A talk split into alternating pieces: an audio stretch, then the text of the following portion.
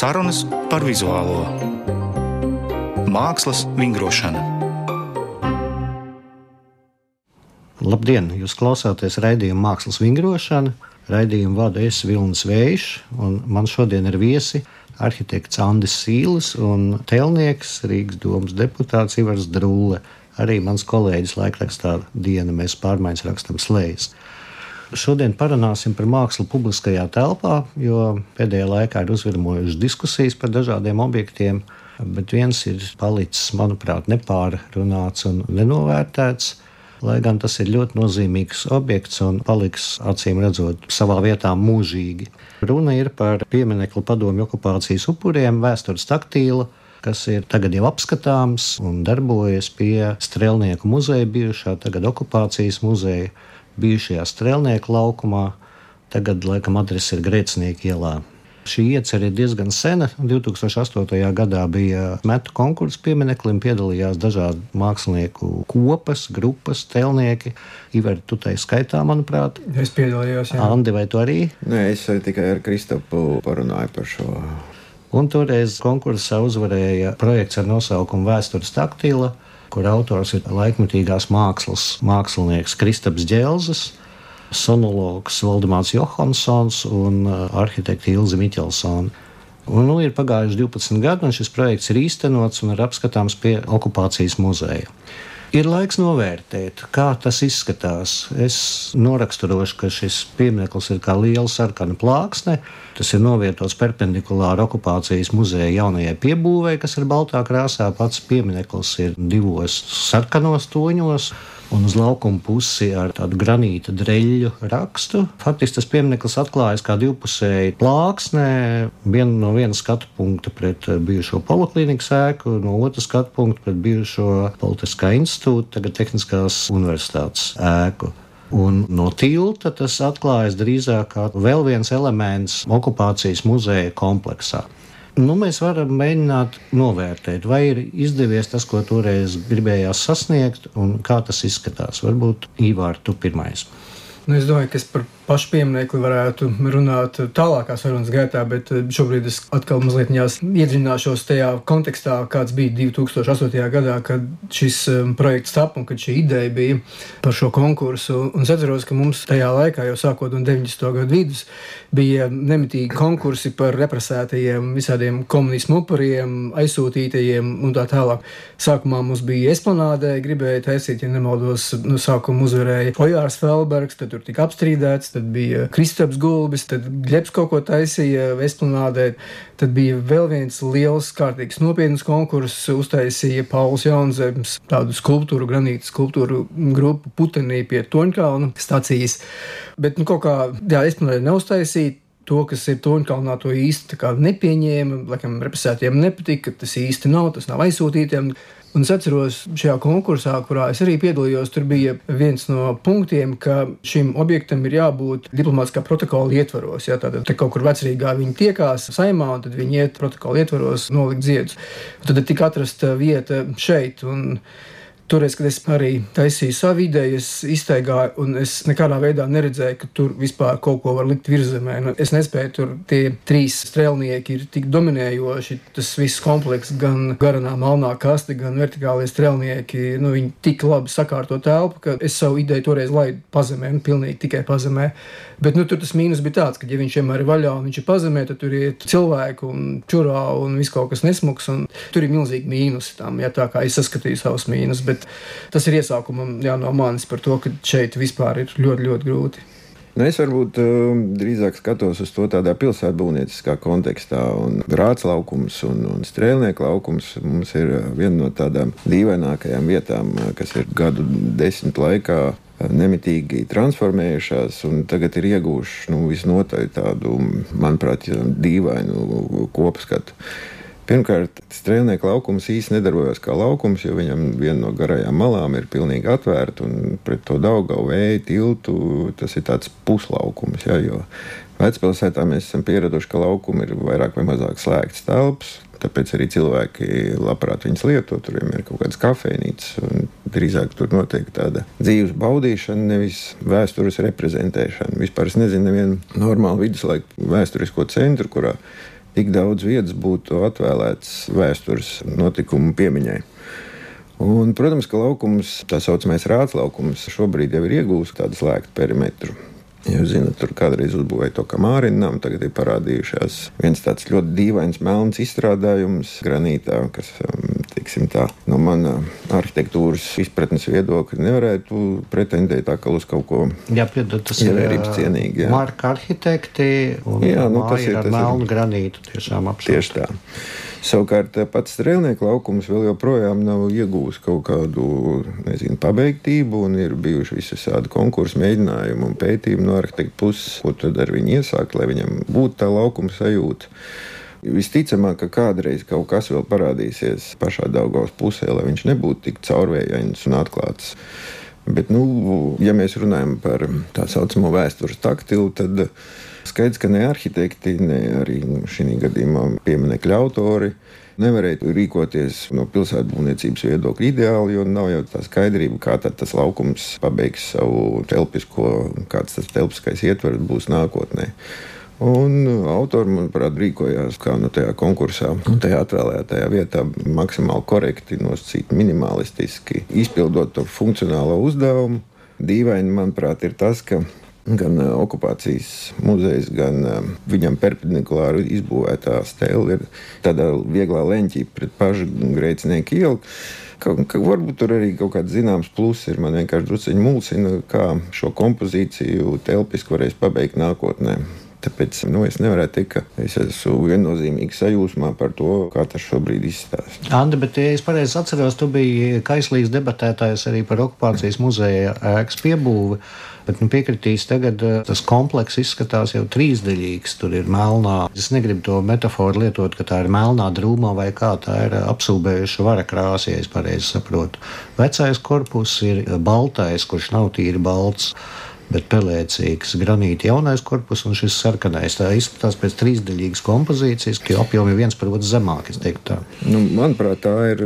Es jau toreiz teicu un cīnījos, cik nu var pret uh, pirkārt iecerēto piebūvi. Jo tas, ko es brīdināju, tas šobrīd ir acīm redzams. Ja mums kādreiz, neatceros, kurai varai bija vēlme uzbūvēt to tautas namu, tādu milzīgu garu verķi vertikāli, tagad tas verķis ir nogāzts garšļaukus un nākot no Daugos puses uz vecrīgi, tev ir tāds milzīgs baļķis priekšā, kurš aizsedz skatu, kurš pilnīgi neiedarās tajā savā vēsturiskajā vidē. Lai nu kur, bet nu, viduslaiku vecpilsētā milzīgs garš, klucis, neiedarās nu, nekādīgi. Jā, nu nerunājot par to, ka tiešām tā baltā nākotne izrādās tumšāk pelēka par betona apdārs plāksnēm, kas ir uz laukuma, un, un tā tumšā pagātne balstās uz to nākotni. Tur tā metafora un, un tā filozofija apkārt, manuprāt, ir ritīgi kļūda. Ivar, es tev gribēju jautāt, vai ar tavu tēlnieku izjūtu piemineklis pilda to savu pamatu funkciju? Viņš aizkustina un mūs aicina atcerēties tos upurus. Man šķiet, ka tur ir kaut kas mazliet pavēsts gan tajā divu krāsu sarkanajā apdarē, gan tajā lazera griezumā tēraudā, kā es saprotu, vai tērauds, vai tas ir norūsējis kaut kas. Es tā kā labprāt būtu gribējis redzēt kādu cilvēku rokas pieskārienu, bet es saprotu tā laika kultūras ministrs Helēnas Demokovas ideja, ka ir jāievieš šīs laikmetīgās formas, ne tik daudz tēlniecību, un tas varbūt ir izdevies. Interesanti, es šajā laukumā pārāk bieži neatrodos vienkārši tāpēc, ka ir iespēja strādāt attālināti, un tāpēc var daudz lietas redzēt savā ziņā ar svaigu aci, kaut kā distancēti, lai gan visi tie objekti ir, ir kā sen zināmi. Un es tagad arī izteigāju šo vietu, un man pēkšņi saslēdzās, ka tieši šajā laukumā, nu, ieskatot gan Rāclamu, gan, gan Strelnieku laukumu, šeit savā ziņā ir redzama visa mūsu Rīgas vēsture.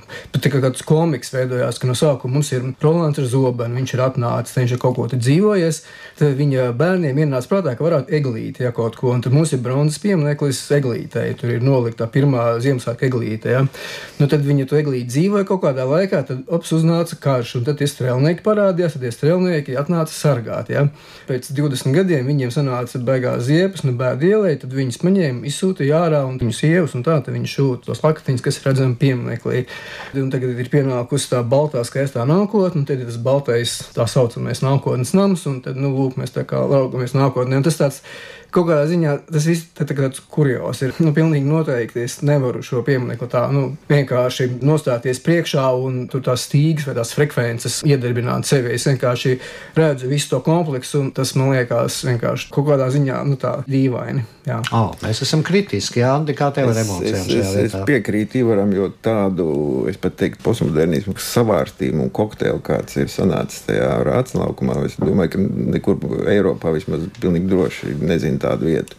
Protams, arī nu, jāsaprot tas, ka sestais stils savu laiku atceraties pirmās ēkas, kas pēc padomu laika tur sāka tapt gan Kamārina nams vēl nebija, un tā tālāk. Viņas formāli ir tajā laikā, un formāli tiešām arī ir ar visām postmodernismu arhitektūras pazīmēm. Bet tagad jau tas postmodernisms ir pārcēlies kaut kādā, nezinu, konceptuālā un filozofiskā līmenī, jo viss tur ir kaut kādā ziņā fakes kaut kādas replikas, kaut kādas formas, kas tur tiek lietotas, ir vienkārši tāda kakofonija, ka Es arī, kad man atbrauc ciemos arhitekti no ārzemēm, tad es aizvedu uz to laukumu un tur mierīgi var izstāstīt visu valsts vēsturi. It sevišķi interesants ir tas fakts, ka kādreiz padomu modernisma arhitekta okupācijas muzeja autori Dzintars Drība un Grīmbergs, viņiem tak spieda tā ceka likt to ēku virsū tieši Melngalnam pamatiem, lai nevarētu viņu nekad atjaunot. Un tad tas bija vesels ļembats un arī tauta kaut kādā veidā iesaistījās un viņiem izdevās pa tiem dažiem metriem nobīdīt un tā spriedze, kas tagad ir starp to Melngalnām un to klucīti. Ja.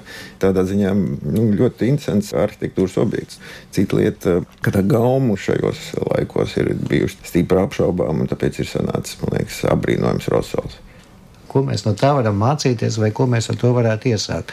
Jo droši vien, ka um, viss šis komplekss, laukums nav gatavs. Tur tāpat ir nesen uzradusies viesnīca, arhisa, arhitekti, manuprāt, kura vispār dominē un ir tumši pelēkā krāsā ar diviem pretuguns mūriem.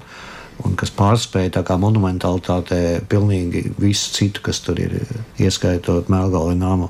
Vai šie nabaga strēlnieki, kas kādreiz bija sarkani, bet tagad tas sarkanais granīts nobaltā jaunā pieminiekļa sarkanumu priekšā. Un tur ir ļoti daudz tādu neatrisinātu lietu, vai ir kaut kādi ceļi, kā varētu šo vidi harmonizēt, vai varbūt nezinu, izstrādāt kaut kādus rituālus, apgaismojumus. Varbūt mums vienkārši jātiek vaļā no savas tās ironijas un jābūt jūtīgākiem. Nu, tas, tas komplekss, ja tu piemini to arhīvas viesnīcu, viņš nav pabeigts, jo tur būs vēl tie brandmūri vismaz no, no vecrīgas puses, noteikti tur nāks jauns apjoms. Es tā jūtu. Viņš, viņš nebūs tāds pliks. Un, un viņi iespējams arī būs 6, 7 stāvi maksimāli atļautie. Tas arī dīvains, viens no arhīvas dīvainākajiem konceptiem. Tā fasāde ir, ziniet, kā veidosies. Viņi paņēma pamatu plānu, tieši kādā veidā bija pamati, pacēla perpendikulāri, un no tā radās tā fasādes vispār ideja un metafora, kas arī ļoti dīvains paņēmiens, varētu pat teikt, arī kaut kādā ziņā postmodernisks formas meklējums, kaut kāds paņēmiens.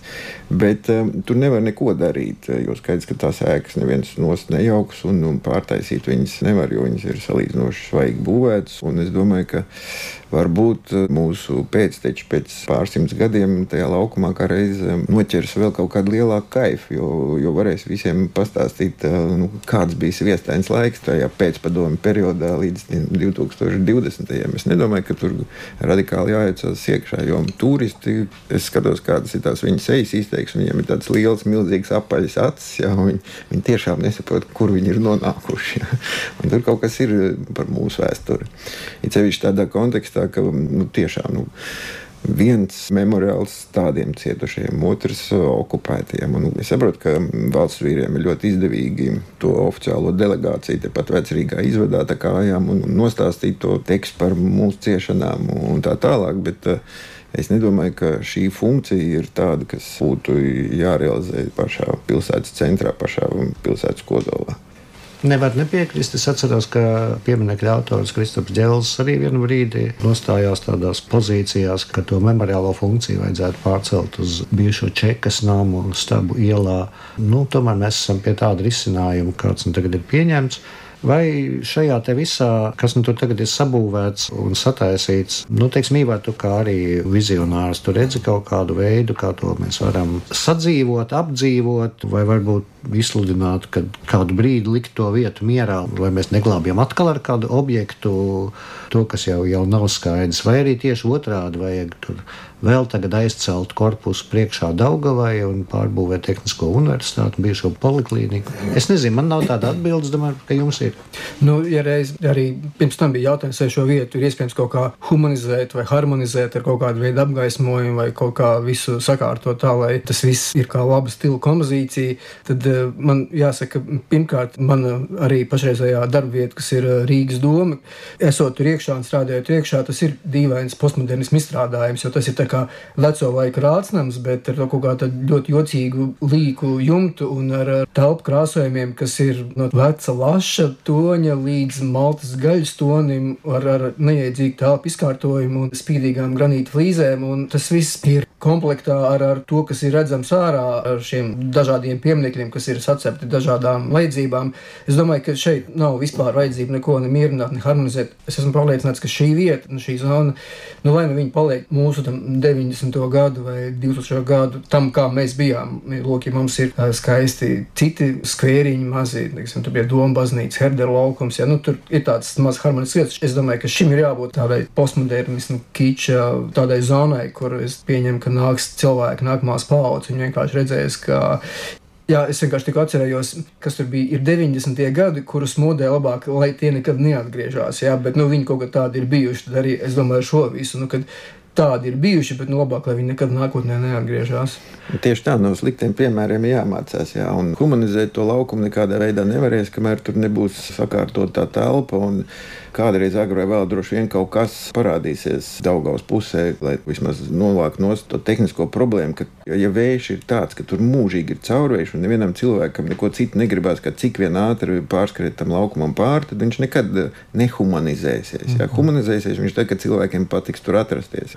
Bet kuram es nestādos priekšā patīk atrasties, ja tev Johansona muziku, nu, nu viss tā ciešana, padarīšana bliež pa smadzenēm, ja? jo pūs no laukuma šobrīd ir tikai tikai veltīta tam skatam atpakaļ, kā mūsu nabadzīņas represēja, okupēja un tā tālāk. Šāda veida message, tas memoriāls un kopā ar to okupācijas jauno veidojumu visu laiku tev to intelektuālu informāciju par tām smadzenēm bliež. Ja, un priekš kam vairāk par nezinu, minūti, tai labi delegācijai saprotams, bet priekš kam cilvēkiem ikdienā to laukumu lietot, es vispār neredzu tur nekādu iespēju. Bet no otras puses, jā, nu, mēs te kaut kā visu laiku runājam, ka viss slikti, slikti. Bet, saglabājot ironiju, es biju šausmīgi priecīgs ieraudzot to, kas Kristapam ir sanācis. Pirmkārt, es nepiekrītu, ka tas granīts ir sarkans. Viņš ir tāds sarkanbrūns, un ja tā viena tā betona puse pret grēcinieku ielu ir salīdzinoši sarkana, tad eh, es nezinu, ekonomijas dēļ visticamāk viņiem nav izdevies dabūt to granītu vai citu akmeni gana sarkanu. Viņš ir tāds sarkanbrūns. Domā, tajā dreļļa pusē, teiksim, jā, jā, tajā, tā. Man tajā. viņa vispār pārsteidza kā dominējoša tāda. Jā, bet tas, kas man sagādāja patiesu prieku, ir tas, ka es īstenībā pat gribēju Kristapam piezvanīt un, un paprasīt, vai viņš to ir izreikinājis šo efektu vai nav nav. Ja jūs eh, esat ievērojuši, tad eh, notiek optiska halucinācija skatoties uz to patērnu, uz to rakstu. Respektīvi, viss, kas tur ir darīts, ir ortogonāls. Tur ir tikai kvadrāti un taisnība stūri. Bet, kad tu tuvojies tai sienai no rācinām puses, pēkšņi parādās riņķi. Un kā jebkurā optiskā efektā, tie riņķi sāk halucinācija, tie riņķi sāk kustēties. Un tā ideja par to, ka mums tā vēsture un ciešanas ir zināma halucinācija, ka mēs netiekam no viņas vaļā, manuprāt, ir materializējusies vienkārši ģeniāli. Es beigās izdomāju, ka Kristupam nemaz nezvanīt, lai saglabājās intriga, jo es pat nezinu, vai to var izreikināt. Bet tas ir tiešām unikāls efekts, ka tu skaties tikai uz kvadrātiem un perpendikulāriem. Bet, paiet vai nākot klāt, tev rodas tāda sajūta, ka tur viss ir apaļš un nu, es lietošu to krievu valodu, tev gluči. Mazliet tā vēsture tā lieta, jā.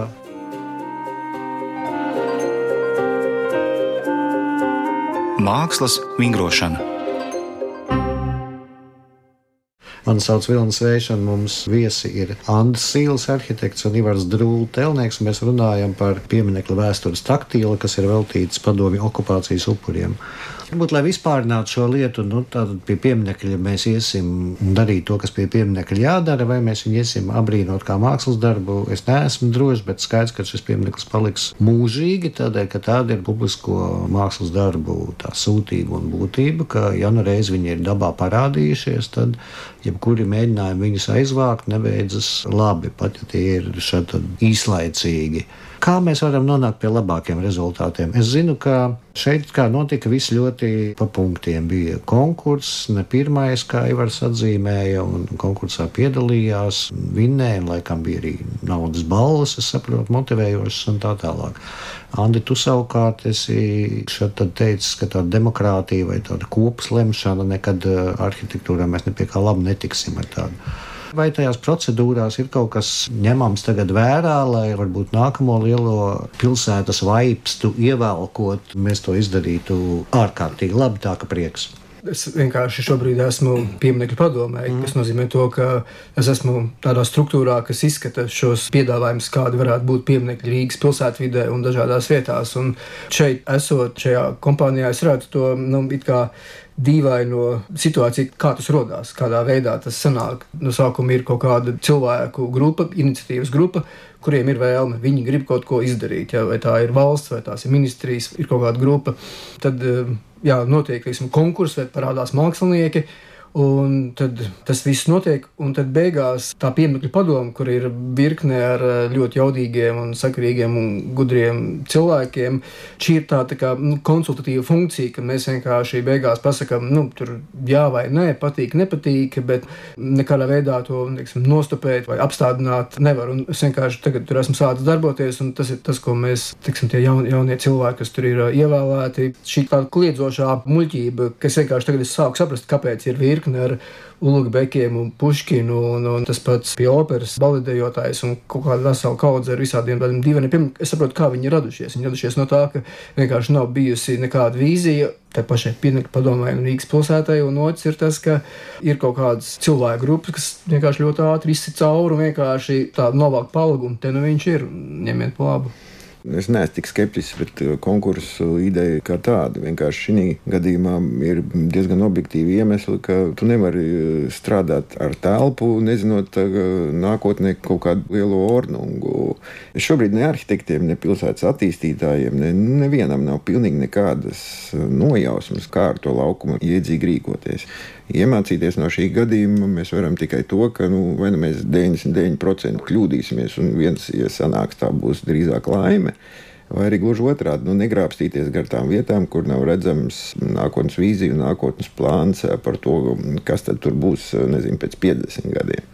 Un šobrīd to neviens nevar pateikt, un attiecīgi nu, ir kā ir. Iemācīties vai kaut kā citādāk, tur neko nevar nemodina katrā ziņā tādu optimismu, ka publiskā vide varētu būt kvalitatīvāka. Nē, nu, bet uh, ir te mums Rīgā vesela kaudze vietas, kas ir sasnieguši zinām telpisku jau pilnību, un tur tādu vienu odziņu kā piemineklis, kāpēc neielikt, jo māksla ārtelpā tas ir ļoti vērtīgs investīcija vai arī kaut kāds pilsētu vidi uzlabojošs objekts, kas cilvēkiem kā reizi ļauj kaut kā identificēties ar to vietu. Jā ir pietiekami daudz pieminiektu, nu, ar kaut kādu modernu, pat ne pieminiektu, bet nu, kaut kādu skulptūrālu veidojumu, kas ir uzlabojuši to konkrēto vietu. Cilvēks jau skatās uz to fasādi, viņam varbūt ir mazāk tā personīgā afektācija vai attiecības ar tīru arhitektūru. Tad brīdī, kad viņam parādās kaut kas atpazīstams mākslas objektu veidā, viņš ir tīri priecīgs. Nu, es te pievienotu vēl drusku skepsis, eh, jo mēs nevaram apiet uz ziloņu trauku veikalā, kas ir šobrīd publiskajā telpā par Kristiānu Brekta sienas gleznojumu. Un man ir arī jautājums, kāds ir tas neatkarīgo profesionāļu viedoklis. Un es patiešām atsakos atbildēt. Es paskaidrošu, kādēļ. Jo šeit nav runa par mākslinieka rokrakstu un mākslinieka gribēšanu un kaut ko tādu, bet tieši par tām institūcijām un organizācijām, kas šo projektu ir virzījušas Mēs zinām, ka virzījusi organizācija tuvos politiskos rados ar ietekmīgām personām un tā tālāk. Un es katrā ziņā nebūšu tas, kurš aizstāvēs šo mākslas darbu, ja man par to nemaksā, jo es zinu, ka veselam baram PR speciālisti par to maksā. Tā ir mana īsa atbilde. Un šeit mēs kļūstam atkarīgi vēl ne tikai no sabiedriskām organizācijām un, un iniciatīvām, bet arī no ļoti masīvām publisko attiecību, sabiedrisko attiecību un citu projektu naudas plūsmām, kuras pieļauju, ka ir grūti nostāvēt. Bet Interesanti, ka tu pieminēji, ka daudzās vietās šie publiskās mākslas darbi nāk par labu. Man šķiet, ka viņi koncentrējas visi Rīgas centrā, vai teiksim, mūsdienu telniekiem ir, ir vēlēšanās izpausties tajās vietās, kurās jau ir gatava ainava un pieminiekļi netrūkst. Varbūt tieši imantā, zolitūdē, ķengaragā varētu šīs laikmetīgās, īslaicīgās vai pat ilgstošu laiku, kas saglabājas, objekti darīt daudz vairāk. Labi, Ivar, kāds tavs viedoklis? Man atkal jāpiemina tā mana pieminiektu padome, kur mēs saņemam iesniegumus par dažādiem pieminekļiem, kuri varētu būt Rīgas pilsētvidē. Faktiski simtprocentīgi viss, ko esmu redzējis, ir tikai un vienīgi kanāla malā pie centrālās stacijas uz Aspazijas bulvāra. Viss ir nu, teiksim, tā, nu, 200 metri jau brīvs pieminekli, tāpēc ka visi grib sasniegt maksimālo auditoriju, vai nu cilvēki iet uz staciju, tad tas miljons to visu redz. Un, protams, esmu tam klāji pret, tāpēc ka man liekas, liekas, ka vienkārši mēs jau esam par to arī runājuši, ka ir kaut kāds moratorijas, ir vienkārši jāievieš, ka nu, tieši šajos pārsimtus metros ap brīvības pienākumu vienkārši neko vispār nerokam un tās tonnas betona nelējam zemē iekšā. Jo es pat nesen biju pie Gaļas slimnīcas, tur ir ļoti liels, skaists vidus objekts, patiešām izcils uh, uzbūvēts, arī tāds kapar kalns. Un es uzskatu, un tas, ko es tur mēģinu tur pilināt, ka mums ir jātaisa kaut kur tur ārā. Nu, tāpēc, ka Rīga nav tikai tas centrs gar kanāla malu. Tā ir mana nelaime. Tas ir tas, ko es nespēju pārdzīvot. Es redzu, Andam ir ko teikt. Jā, redz, kāpēc mēs atkal automātiski sākam runāt par pieminekļiem? Kāpēc mums ir tā pieminekļa, tā mirušo, tā vēsturiskā, tā atceres līgma, kas velkās mums līdzi? Jo normālās pilsētās un normālas nācijas būvē māksla, pilsētas vidas obligāta sastāvdaļa. Un, un īstenībā ir pat daudz valsts, kur tev investoram kaut kāds zināms procents ir, ir, ir obligāti jāinvestē tajā pilsētas vidas objektā, tā skaitā mākslā. Vienkārši no investīcijas fiksēts procents obligāti. Un viņš uztaisīs konkursu, un tur radās eh, visādi zila brīnumi. Pirmkārt, nav jau viss arī tikai vecrīgā. Ir arī grīziņkalnā tur veidojumi. Kaut kas jau parādās arī tajās apkaimēs. Tas ir labi, tas ir jāatbalsta, tas ir jāstimulē. Un runājot par Brexit gadījumu, tad eh, es esmu drīzāk pozitīvi noskaņots. Jo tās vecās kultūras attīstības valstis, kas ir pieradušas pie eksperimentiem gan arhitektūrā, gan mākslā, Viņa tolerance ir pakārt lielāka. Viņi ir pieraduši tas, ka parādās dīvaina arhitektūra, dīvaina māksla, ka pilsēta visu laiku mainās. Un, jā, ne visi no viņiem ir sajūsmā par to, kas ir konkrētajā vietā radies, bet tas pieradina un rada tos pilsētniekus tādus atvērtākus. Un tas ir mākslas uzdevums, un manuprāt, Brekts to ir brīnišķīgi izpildījis. Pat ja tas ir izsaucis zināmā sabiedrības daļā kaut kāda negācija, tas ir labi, nevis slikti. Viņi mācīsies nākošais, jo viņu tolerances līmenis būs cits. Tas ir labi. Un tas jau nav teiksim, mūžīgi. To jau var arī kaut kādā veidā atšķirībā nezinu, no okupācijas muzeja. To var arī agrāk vai vēlāk pārtaisīt, novākt, nolikt citā vietā un tā tālāk. Es baidos, ka šis tieši ir mūžīgi, jo tiek pacelts tas karoks par cenzūru. Katrā ziņā man neiepriecina, ka mums šis arguments par sabiedrības audzināšanu ir jāsāk ar tādu darbu, ko es nevaru uzslavēt ar tīru sirdsapziņu.